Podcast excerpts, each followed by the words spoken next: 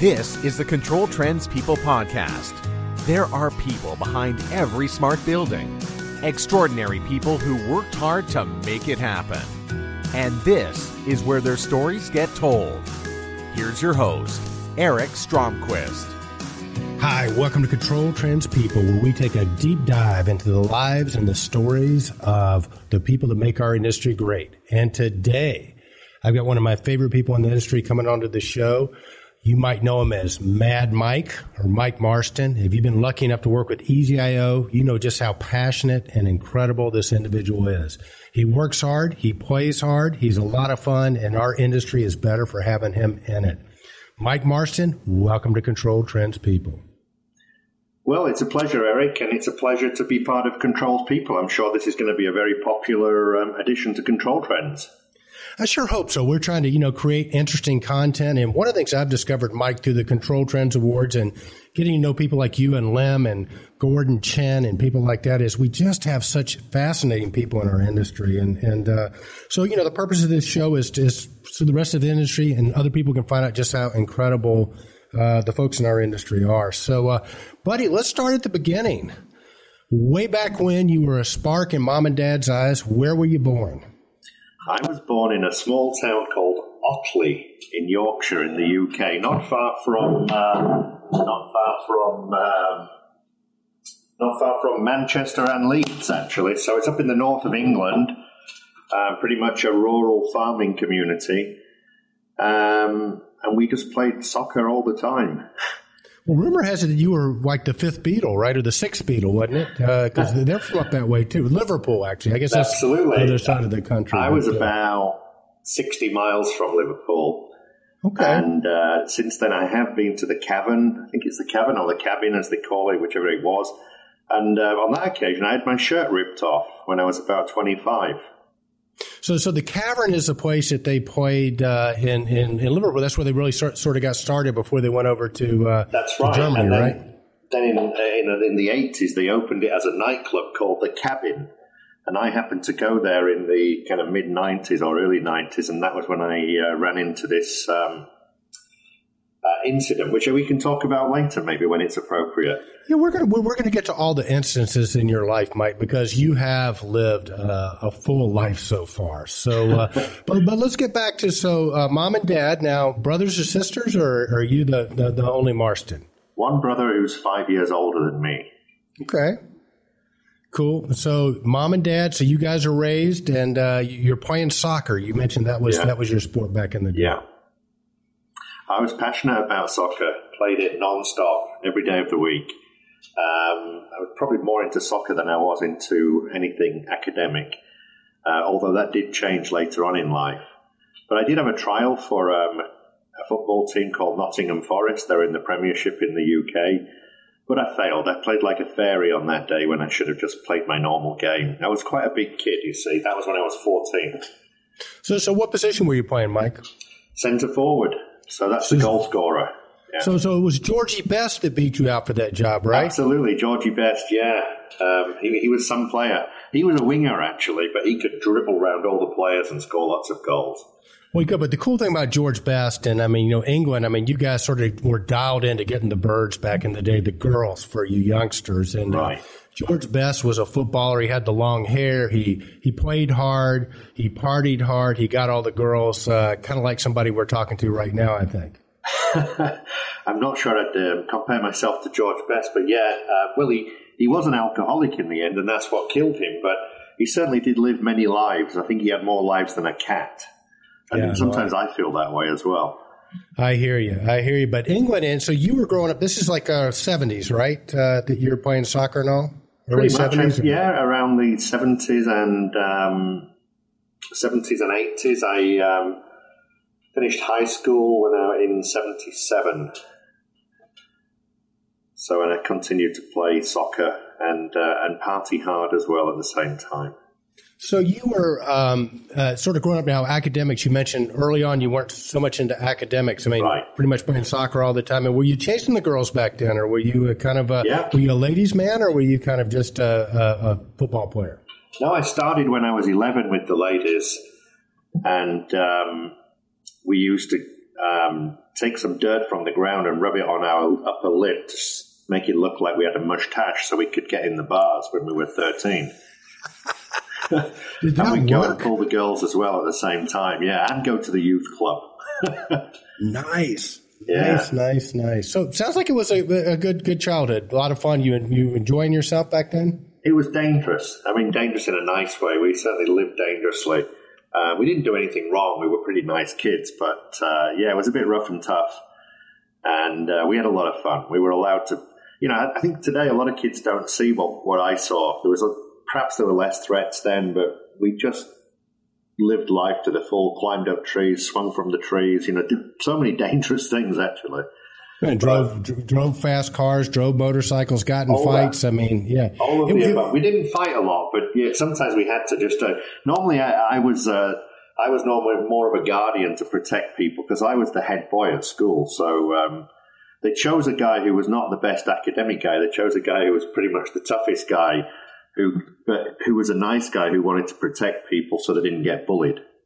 Nice. And uh, you mentioned you were you were pretty big for big for your age back in those days. Yeah, I mean, I haven't. I, I mean, I did grow kind of uh, outwardly um, in terms of getting fat, but um, I was always very tall, always nearly six foot. Well, perhaps five ten when I was about twelve. Yeah. And yeah. yeah, I just got wider. That was the problem. But anyway, that's been fixed. So the weight keeps coming off, and keep going down to the gym. And yeah, I feel like I'm now 55, and I feel like I've got a new life now. That's awesome, man. Well, I'm a little bit older than you, so when I think of Yeah. um, you know your your childhood days, and I think this might have been before your time, but uh, back in the late '60s and mid '60s, it was what the mods and the rockers, right? I mean, that's were sort of the two factions. As a kid, you either got into one or one or the other one. Correct. I missed that. Um, I do remember as a very young kid, we used to have some pop festival. Well, I'd say rock festivals quite near our house, and um, they were basically impersonating Jimi Hendrix and the Who. And uh, I kind of missed the mods and rockers, but I, I did kind of you know grow up with that, and uh, they were incredible times. I wish I had seen the '60s, though. I think that would have been amazing. I think I would have been ideal for Flower Power. I think I would have been good for Flower Power and uh, just having a good time. So, so if you could have been anybody in the '60s, who would have who would it have been? Probably. Um, oh, that's a difficult question. I don't know. Probably Elvis. Elvis. Okay. Yeah. You know, you know who I would have gone for? I would have wanted to be been David Bailey. Wow, and I didn't yeah. know much about him. I mean, you you obviously know who he is, but he was a photographer back there in the '60s. And man, you look at the class of girls that Mick Jagger got and Paul McCartney got, and you look at the class of women that David Bailey got, and I mean, I tell you what, that's the guy you wanted to be, right? Absolutely. In fact, I just watched an interview yesterday uh, on the plane. I just pre-recorded it, and he was uh, Keith Richards of the Beatles, talk, basically doing what we're doing now. He was talking almost about his life story as a kid, but he was brought up at the end of the Second World War. And what an interesting interview it was! It was really good. It was on the BBC in the UK. Yeah, well, he is a fascinating guy. Just the fact that he's still alive, when- right? Yeah. All the drugs and stuff he did back Oh, in the my God. '60s. But but but you know, he's a voracious reader, and uh, and you know, when it gets to the Stones, I mean, you know, people either like Mick Jagger or Keith Richards, and I think the difference is if they never were famous, Keith Richards would have kept playing, and Mick Jagger would have gone and done something else. That's true. And they met on a train. Uh, they knew each other from when they were very young, but Keith Richards was saying they met on a train, and the fact that um, uh, Mick, Mick had some new records under his arm, and I think one of them was um, oh, Little Richard or something like that, and he said that gave me gave him every reason to go up to him and say, "Let's do something together." You know, Yeah, yeah. quite amazing. Well, it, it is. And if you look at the 60s, you know, I mean, there was so much creativity that came out of the UK. And uh, I guess one question I'll just ask you sort of straight up because you travel all around the world and, and do business all around the world. Uh, is the UK still sort of had that creative spark? Uh, I don't think so. You can tell. Yeah. I don't think it has. No, not anymore. So what happened, do you think? I don't know. I think it goes through phases. I think they certainly. Um, I mean, they still do have some very famous bands, and I just went to a festival last month. I did the famous Glastonbury Festival last month. That was Nice. five days without a shower. Um, five days of body washes, I think. But what an amazing! But what I found at this time, this event, this time, there was no one who really grabbed my attention. I mean, Coldplay were headlining and Adele, but to me, that's pop music. Um, you know, I kind of still like the, the rock bands. And there were some good rock bands there, but there were some of the less known ones. So I yeah. think it just goes in phases. I think it will come back again. Um, and, and we'll see, you know. I, I just, I do follow music a lot though. Technology wise, do you yeah. see the UK keeping pace or, or leading, or, or, what country do you see when you travel around the world that, that really is sort of leading in terms of let's, let's talk about smart buildings technology? I think when it comes to technology, and I'm not just saying this, I, think, I really do believe this. I still believe the US is leading the world, and that might surprise you because, you know, we've got you know people saying let's reinvent America, let's make America great again, but when you look at a lot of the intellectual property in the world and a lot of the new ideas, they often come out of the US. You know, even though, you know, China's a big powerhouse and you've got Japan who kind of, I feel, are falling behind a bit. You've got South Korea, you've got all these very strong countries coming through, but I still think a lot of the brains, a lot of the talent comes out of the US.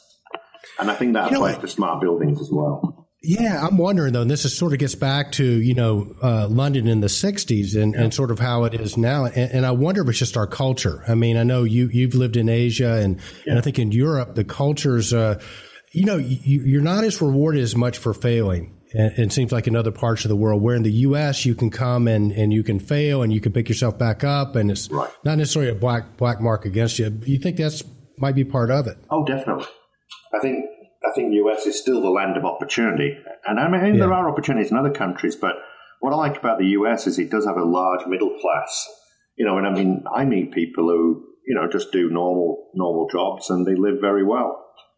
Um, and I go to other countries, and I guess Australia is similar, but I go to a lot of other countries, and I'd say that's not the case. I'd say there's more poor people. Now, that might come as a surprise because a lot of people would say, well, there's way too many poor people in the US.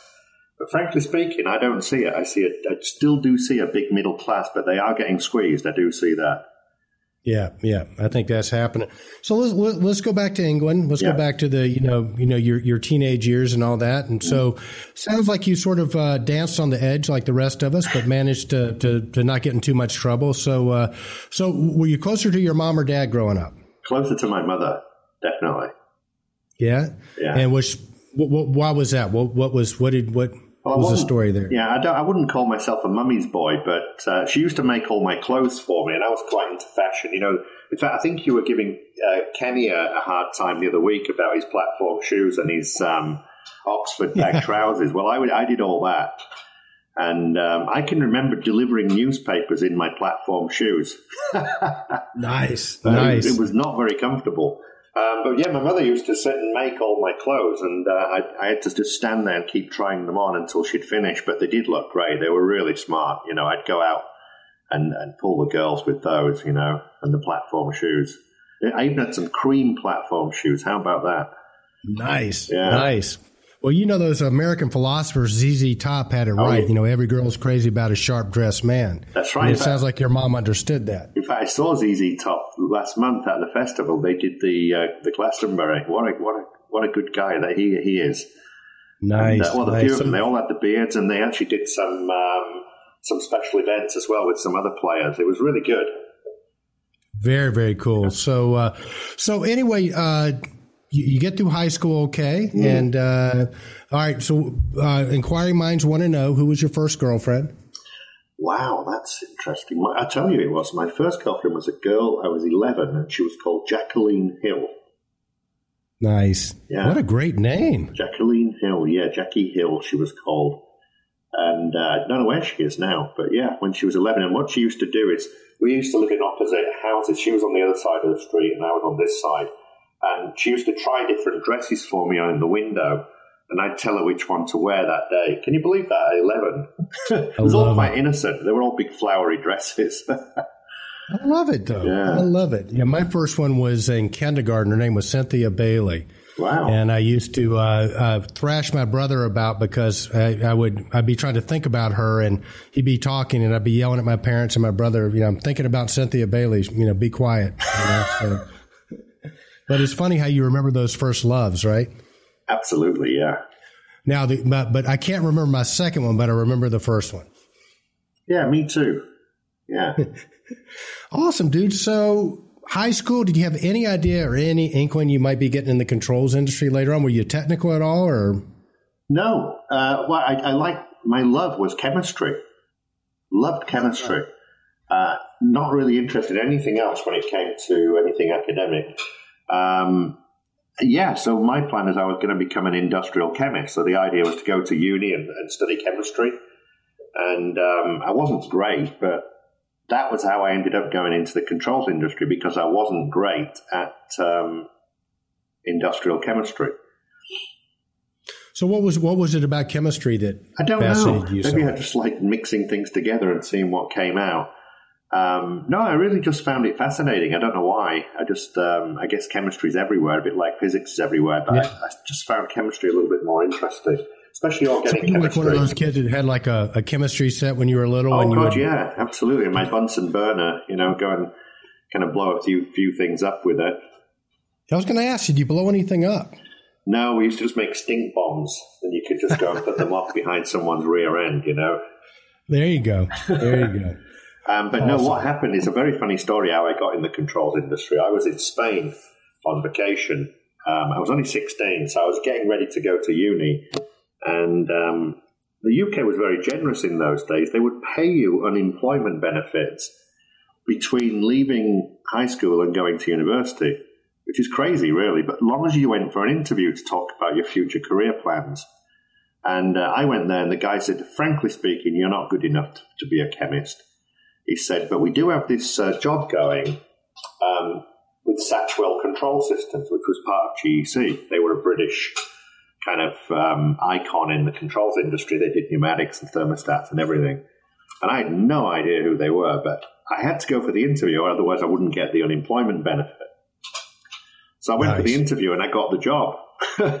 and um, they said, "Can you start?" And I said, "Well, I want to go to uni." They said, "No, we'll we'll we'll do all that for you, but you'll have to do it in your own time, and we'll give you a day off a week.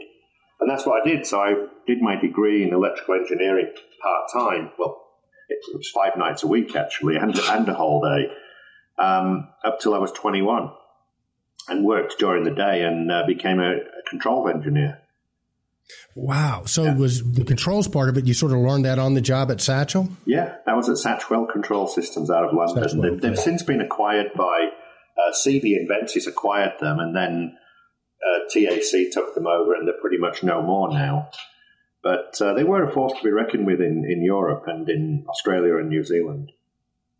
So, were you traveling uh, to all to all those countries when you were working with them? No, no. Just... What did happen when I got to twenty one? Um, I was very ambitious, and um, one of the directors came up from London one day to our office because I was still up in Yorkshire. It was a small office, and um, I said to him, I'm interested in doing something more. I want to get on with my life. You know, and the guy was a bit taken back. So was my boss. And I said, actually, if you've got any overseas opportunities, I would be interested. And this is at 21. And nice. um, out of the blue, they came back a week later and they said, we need someone in Saudi Arabia. Um, and I learned the reason they needed someone is they were absolutely desperate to get somebody there. They just needed a body there. Um, to, to support this contract that they'd won for a number of hospitals. And they were putting in their first building automation system, which was kind of electromechanical in those days with pneumatics. And so mm-hmm. I got that job and I left and, and, never went back to Yorkshire. That was it. I've never been back since. I only go back for vacations now. Was that your first uh, venture overseas? Well, you mentioned Absolutely. you went to Spain, but, but no, uh, Spain was just vacation. Yeah, so right, right. that was my first job overseas at 21. I stayed there for two years. So what was that like? I mean, 21 in, a, in a, uh, Saudi Arabia, that had been a bit daunting at the same time. It, it was crazy. It was really crazy. Um, and the first six months, I lost loads of weight, and um, Satchwell uh-huh. had problems transferring me the money to get a car, so I had to walk everywhere in this hot, humid conditions, really hot, you know, like 100 degrees. And um, I think a lot of the customers just used to feel sorry for me. But anyway, I ended up living on this Korean camp because our customer was Korean. uh, so perhaps I always had an inkling that I was going to end up in Asia at some stage. But anyway, that all changed when I, after about six months, somebody invited me to a hospital, uh, a Western hospital compound where the nurses live. And um, I was in the swimming pool, and there's different girls sitting by the pool. This was a Friday. Our day off was a Friday, and one girl was sitting there, and she smiled at me, and I was in the pool, and she said hello, and I said hello, and um, I said, "Can you cook?" yeah. Wait a minute. Wait a minute. Was this your pickup line back yeah. in the day? It was a great pickup line. I recommend it to anybody. It works really well, and you get good food. And she said, "Yes, I can." And Mike? she was reading War and Peace. You know that big book? Hello. she was actually sitting there reading War and Peace, and she told me afterwards that she was going to throw the book at me if I didn't speak to her. That's what was so going Mike, through her mind. You, you, you, blipped out there for a second, so let's go back yeah. to. Uh, is that a good line? You said, I highly recommend it that you blipped out. So just pick up right with, yeah. I highly recommend it. I highly recommend saying, Can you cook? And she said, Yes, I can. And she said, Would you like to come back to my place and I'll cook you a meal? Nice. So I ended up nice. staying with her for five years. Two years wow. in Saudi and then three years in London afterwards. And uh, she was a lot of fun. A lot older. She was quite a bit older than me, but a lot of fun. So then Saudi became fun. We had 18 months of fun. We did everything we shouldn't have done. We got chased by the religious police. You know, when I was taking her back in the morning. And they were driving big Buicks, the religious police. I was tearing around the street trying to get away from them at six in the morning. So, so, you, so the religious police they were after you because you were drinking and raising hell, or what? What did the religious because police I was in a car with a woman. Oh, I see. Yeah. I see. Was she a Saudi woman, or was no, she? Uh, doesn't matter. Doesn't matter. If I'd, I'd have got caught, I'd have got thrown in jail and deported eventually. Are you serious? Is it yeah. still that way over there? Yeah.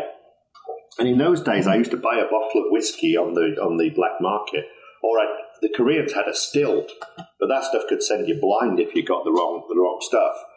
So for a bottle of Johnnie Walker's, this is in 1982, I was paying 80, 80 US dollars for a bottle of Johnnie Walker's. Red label, nothing special. yeah. Oh my gosh. Yeah, what a story, hey? But it was a lot of fun. And then in our, in our apartment, we used to brew our own wine because they used to sell the grape juice and the sugar and the yeast. And obviously, we had water. So we'd just throw tea bags in to add taste. And then we'd have these huge parties and we'd make punch out of this uh, booze that we'd created. nice. Really good fun. So, I mean, this is, this is, you know, sounds like most people's youth, right? Where right. you, where you sort of get the first big job. And uh, so here's a question for you. What did you not know that you did not know when you went to Saudi and took that first job on? I didn't know anything. I had no idea about uh, life, really. Uh, certainly no idea about really what people had to do to make a living. Um, I had no, no idea about foreign cultures. I mean, it was just a real big eye opener, complete eye opener. So, how, so I mean, but you obviously adapted and oh. were successful with that. Well, so, what was, what was funny yeah. about it is I was working for the Satchwell export department. We had an export manager called David Brotherton. And David phoned me after about three months, had been there, and he said, Where's your sales report? And I said, I'm not doing sales. You hired me as a project engineer. He said, Well, you are now. Oh, wow. He said, We need some business. So I ended up doing sales in the end and got quite good at it. And that's how I got into sales. So wow. um, by the end of the two years, we, we built quite a good business. And then I, I didn't want to stay because if you stay too long in Saudi, you go crazy. Yeah. Why, why is that? Well, people just drink themselves to death, basically. And um, because there's nothing to do. It's just desert and it's very boring. Unless you got a, a great girl who knows how to make a, a, a blue lasagna in the bathtub, uh, and, and, and, if you like to drive at night with a woman, you're, you're I get it, I get it. exactly. Okay, so how did how did you get out of Saudi? Well, because I knew it would drive me crazy, even though the money was fantastic. I mean, the money was just amazing. Right. Um, and it was all tax free in those days. So um, I just decided I had to get out, but I'd saved enough money to buy a house in London at the age ah, of 23. So nice. the Satchwell offered me a job in London sales, and my salary got cut by 70% because wow. I had to adapt to, you know, normal conditions. But then a whole new life ended in, it started in London then, and it was just amazing. I had a great, some great time up until I was about 29 in London. And, um, so, so this, so this was uh, like mid '80s, right? Yes, You're 29. mid '80s. Yeah, yeah. You got a lot of money. You're single. So did the, the, the woman in Saudi stayed in Saudi, or she come with you to? Uh, to she London? came to London with me, but that finished after a while, and um, I got some someone new, and Yeah. uh, played the field a little bit for a few years, and had a lot of fun. Played a lot of soccer as well. I joined a soccer team in London, and we just partied really hard, really hard all the time. And I was selling loads of projects. We are doing a lot of high-rise buildings in, in the city of London. I was visiting all the top consultants. It was really good, you know.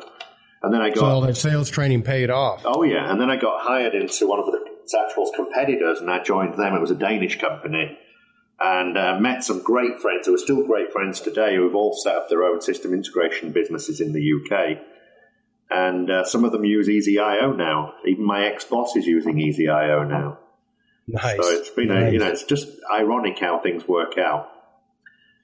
So you, you're rocking and rolling there, and uh, things are going great in London. I, I got Yeah. visions of uh, Austin Powers. Yeah. Uh, no, that's before your time. But uh, so, where, where, what happens? What happens next? Well, um, since I know it's always good fun talking about the girls, I, I ended up living with a lady called um, what was her name? I used to call her Annie Get Your Gun, but um, she was called Annie Annie. Why, Cum- why do you call her that? yeah, Annie Cummins. That was her name. Okay. And um, yeah, she she was pretty. She was well. She was a nice person, but uh, maybe I just wasn't nice for her. And um, all my friends at, at work at this new Danish company all used to love asking me what I was doing, you know, and I'd tell them all the stories. And uh, one time, she uh, after we'd broken up, she um, broke into my house in London and tried to strangle me while I was having a bath. No way. Yeah, Are you serious? So to this day, my friends always say, "You remember the?" And I lived in a suburb called Ealing in London. You remember the old Ealing movies? yes. Um, uh, they, they still to this day say, "Have you seen the Ealing Strangler recently?" well, it's a good thing she didn't get her guns there. You really would be in trouble, right? Yeah, no. It was a pretty scary time. I don't know what I did to upset her, but um, yeah, she um, she roared round, and uh, I didn't even know she was in the house. Next thing, my head is below the water. I thought I was going to die. Dude, Yeah, that is something else, man. That is so. Needless to say, uh, you got the restraining order after that, and is that when you decided you need to move to Thailand? no, that's when I decided I had to emigrate to Australia.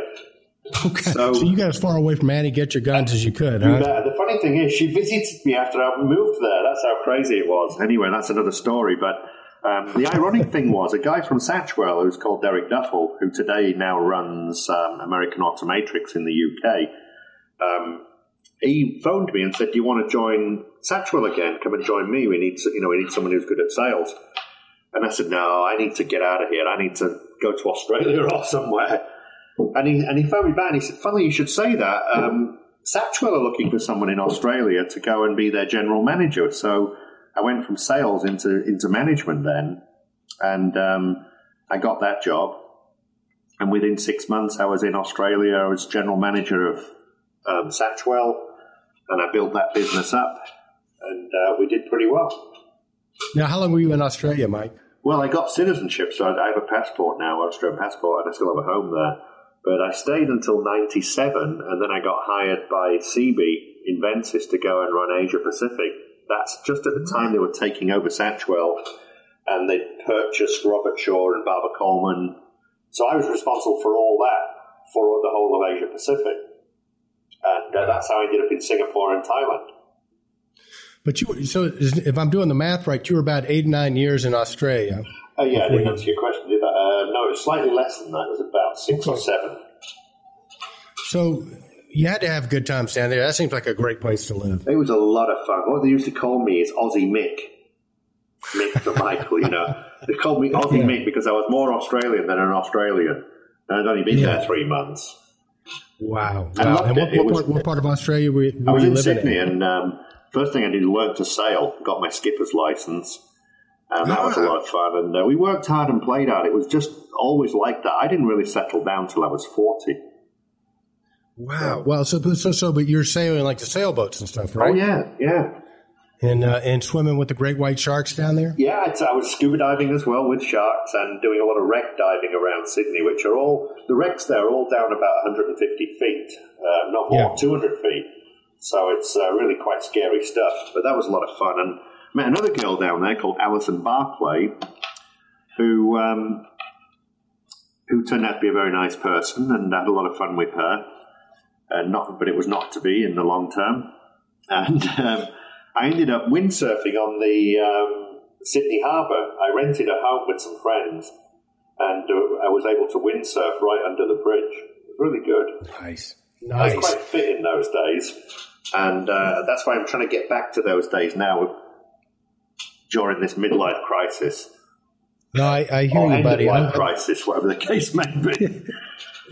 No, no, I, I, I hear you, but but exciting. So that's when you first started scuba diving was down there because know you're an avid scuba diver. That's when you yeah, first started did everything when I went down there. I started horse riding as well, and Yes. um, yeah, I love um, I love horse riding, and um, pretty much did everything. You know, Australia's a really good outdoor life, very similar to the US, a bit like California in a lot of ways, California and Yeah. Florida, and started.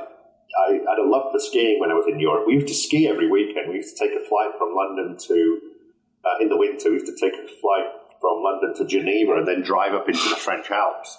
And we'd be back at work by Monday lunchtime. It was a lot of fun.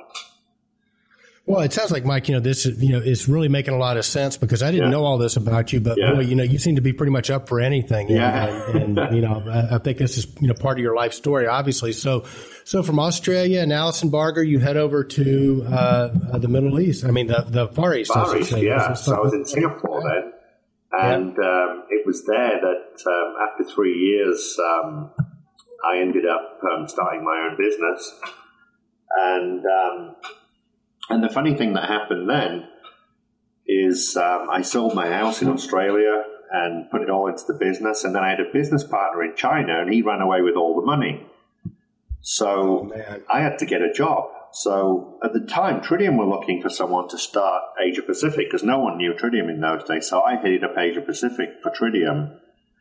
Um, when Enron was the, was providing the seed money for Tridium.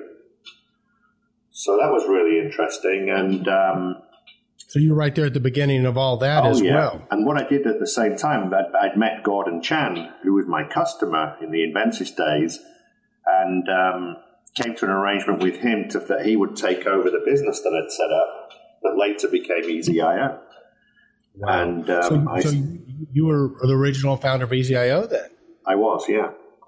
Interesting. Interesting. Yeah. Yeah. And then Gordon ran that, and then I rejoined after Honeywell took over. Um, um, about and then about six years ago, I five or six years ago, I, I came back and joined Gordon. But I had a lot of fun at Tridium. It was good fun, and Yeah. um, so I have a fairly good good understanding of what's gone on in the industry. Um, and yeah, it's a good place to be. I feel feel you know very privileged that I've been able to do all those things. So I've worked for a lot of American companies, British and American companies mainly, and, uh, and now obviously run my own. So with, with Gordon, Well, yeah. So Gordon, uh, Gordon Chan, Chan is you know an awesome guy. Uh, Yeah. So you met Gordon, and when did you meet Lim? How did that that come about? Ah, Lem? well, I met Lim. Um, I hired a sales guy in Singapore for Tridium, a guy called Eng Soon, Eng Soon Ko. Quite a character. I still know him today. And uh, he was from the security industry, but he was a real go getter kind of guy. And uh, Jerry Frank came over, and Jim Rissick, bless his cotton socks, um, he uh, came over and we we met him and we hired him. And first thing he said is, "We've got to hire this engineering guy. He's the best you'll ever come across." and that was Lim. So I met Lim, and we had to send Lim over to Richmond, Virginia, for the final interview. And Brian Frank and all those guys interviewed him and said, "Okay, this guy's good." And then Lim would never have left Honeywell, but um, he had some incident with them. I don't know what it was, and um, he phoned me up one day and said, "I want to come to EasyIO." nice. So that was about Nice. four or five years ago. He then joined us. Well, and the rest, as they say, is history Yeah. in the making. Because you guys, uh, uh, if you go to Control Trends, you can you can sort of follow the path. Once you get to uh, EasyIO, uh, you guys just doing incredible things and continue to do incredible things. But uh, but let's sort of go because I know right now you're up at Pinehurst, I believe, as we're speaking, and and you've got a daughter that uh, is probably going to be a professional golfer if she's not already. Yeah, she's not yet. Um, because if, if you go pro too early, you miss out on a lot of the amateur stuff. You miss out on a lot of the competitions that you really need to be in. Um, so, kind of once you go pro, you're on your own. Um, but she had an interview at a college last week in New York State, and um, they were very keen to take her. So that may come off. We don't, we don't know yet. Um, and um, the, the teacher there, who was heading the golf group in that in that college, she plays pro during the summer months when she's not not teaching. So you know it, it is possible to to do that. But yeah, my daughter's um, at Pinehurst. She plays every year here. Last year she hit 68 in the final. Nice. Yeah. And last week on Long Island, she hit 75, but she, she'd had four birdies, and then on the last hole, she hit a double bogey, which should have been a guaranteed birdie, but it was just, he went in the hole and came out. That's golf, right? Nice. So she came third place last week in Long Island. That was a lot of fun. So tomorrow's the first practice round, and then she's got three days of uh, competition, and then Sunday will be the final. She usually gets into the final, so we'll see what happens. And uh, let's hope she can hit 68 again. In fact, she's just gone off to, to the driving range just now. So she's only 15, but uh, she's Nice. 15 going on 30. Love Is she, shopping. is, she your only, is she your only child, Mike? No, I have a boy as well who's nine years old. He's called Okay. he's called Jedi, Nice. not the Jedi, Nice. Jedi, similar. And Yeah. uh, but yeah, he's quite a character as well. so I take it. I take it he was born in uh, in in Singapore. Thailand. Okay. In fact, they were Thailand, both going. My daughter was born in Thailand as well. Yeah. I got you. I got you.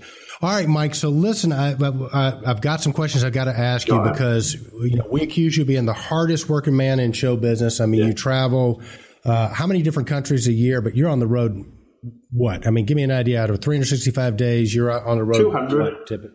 200 Okay. days, but I do mix it with pleasure as well. Well, yeah, that's what we like about well, one of the reasons we like hanging out with you, Mike, because Yeah. wherever you go, even if it's work, it's still a party. So, okay. so, best, because obviously you manage your time really, really well. Best time management tip that you could offer our community?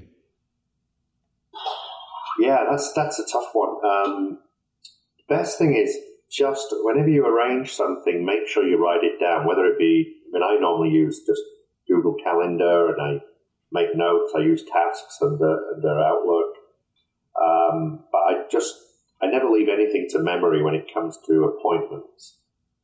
So So, write it, write it down. Know. But you don't have a secretary or anything like that. No, you do all your own appointments and You all know, that, right? I used to have secretaries before, but the thing is, for what I do, um, one of the things, the reason I can arra- arrange the time well is I do all my own bookings. yeah. So I, I'm constantly looking at my calendar. I guess that's how I do it. Um, Gotcha. And I never file an email until it's been dealt with.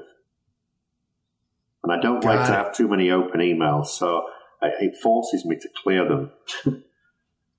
Dude, I tell you what, if I did that, I would never do anything else. I, I don't do email anymore. It's pretty bad. I'm, I'm not good at that at all. I've got my wife gives me a hard time because I have like ten thousand unread emails. So Oh, uh, for our community out there that I don't that don't get responses from me, that's why. But uh, sorry about that. So, dude, uh, best piece of advice you ever got? Um, oh, funny enough, my ex, my first boss, I met him in the UK just last month, and he's seventy now, and he's still in the controls industry. And uh, he's called Joe Dixon. What an amazing guy! And uh, he gave me one word of advice, and I reminded him when I saw him just last month, and that was he said he, he was a salesman. He was on the road. He'd say, "Never refuse a cup of tea or an opportunity to go to the bathroom." And I said, Why is that? And he said, You never know when you will get the next one. Nice, How good is that, nice. You nice. think when you're on the road, all you need is a cup of tea and a toilet. Well, you know, it starts with that, and we build off of those two things, right? it was good advice. Honestly, it served me well. No, I got you. Your business, personal business philosophy, the way you do business. What what sort of code do you? The code of Mike Marston. What's that? What's that regarding Co- my code is be fair, be competitive, and always stick to what you've agreed. Nice, nice. And best piece of advice you've ever given. Um, I would say the best would be really believe in yourself. Anything's possible, and make it happen. It won't happen if you don't make it happen. Nice, nice. Our guest on Control Trends People has been Mike Marston from EasyIO. You got to check him out at easyio.com. They call it easy for a reason. Mike, thanks so much for taking a few minutes to uh, let our community know a little bit more about you. I appreciate it, Eric. It's it's been uh, quite enjoyable. In fact, it's brought back a few memories. Actually, maybe I've got a slight tear in my eye. Well, I hear you, and we can't wait for another. Mike also does a, a, show for Control Trends called Mike Marston's Control Pub Talk, where he travels around the world and interviews people's in pubs, which is really great. So we appreciate all you do for our community, Mike. Okay, no problem. Thank you, Eric. Once again, it's the life. Yes. I don't know why I get so intoxicated, man. You don't know why you do what you do. so high.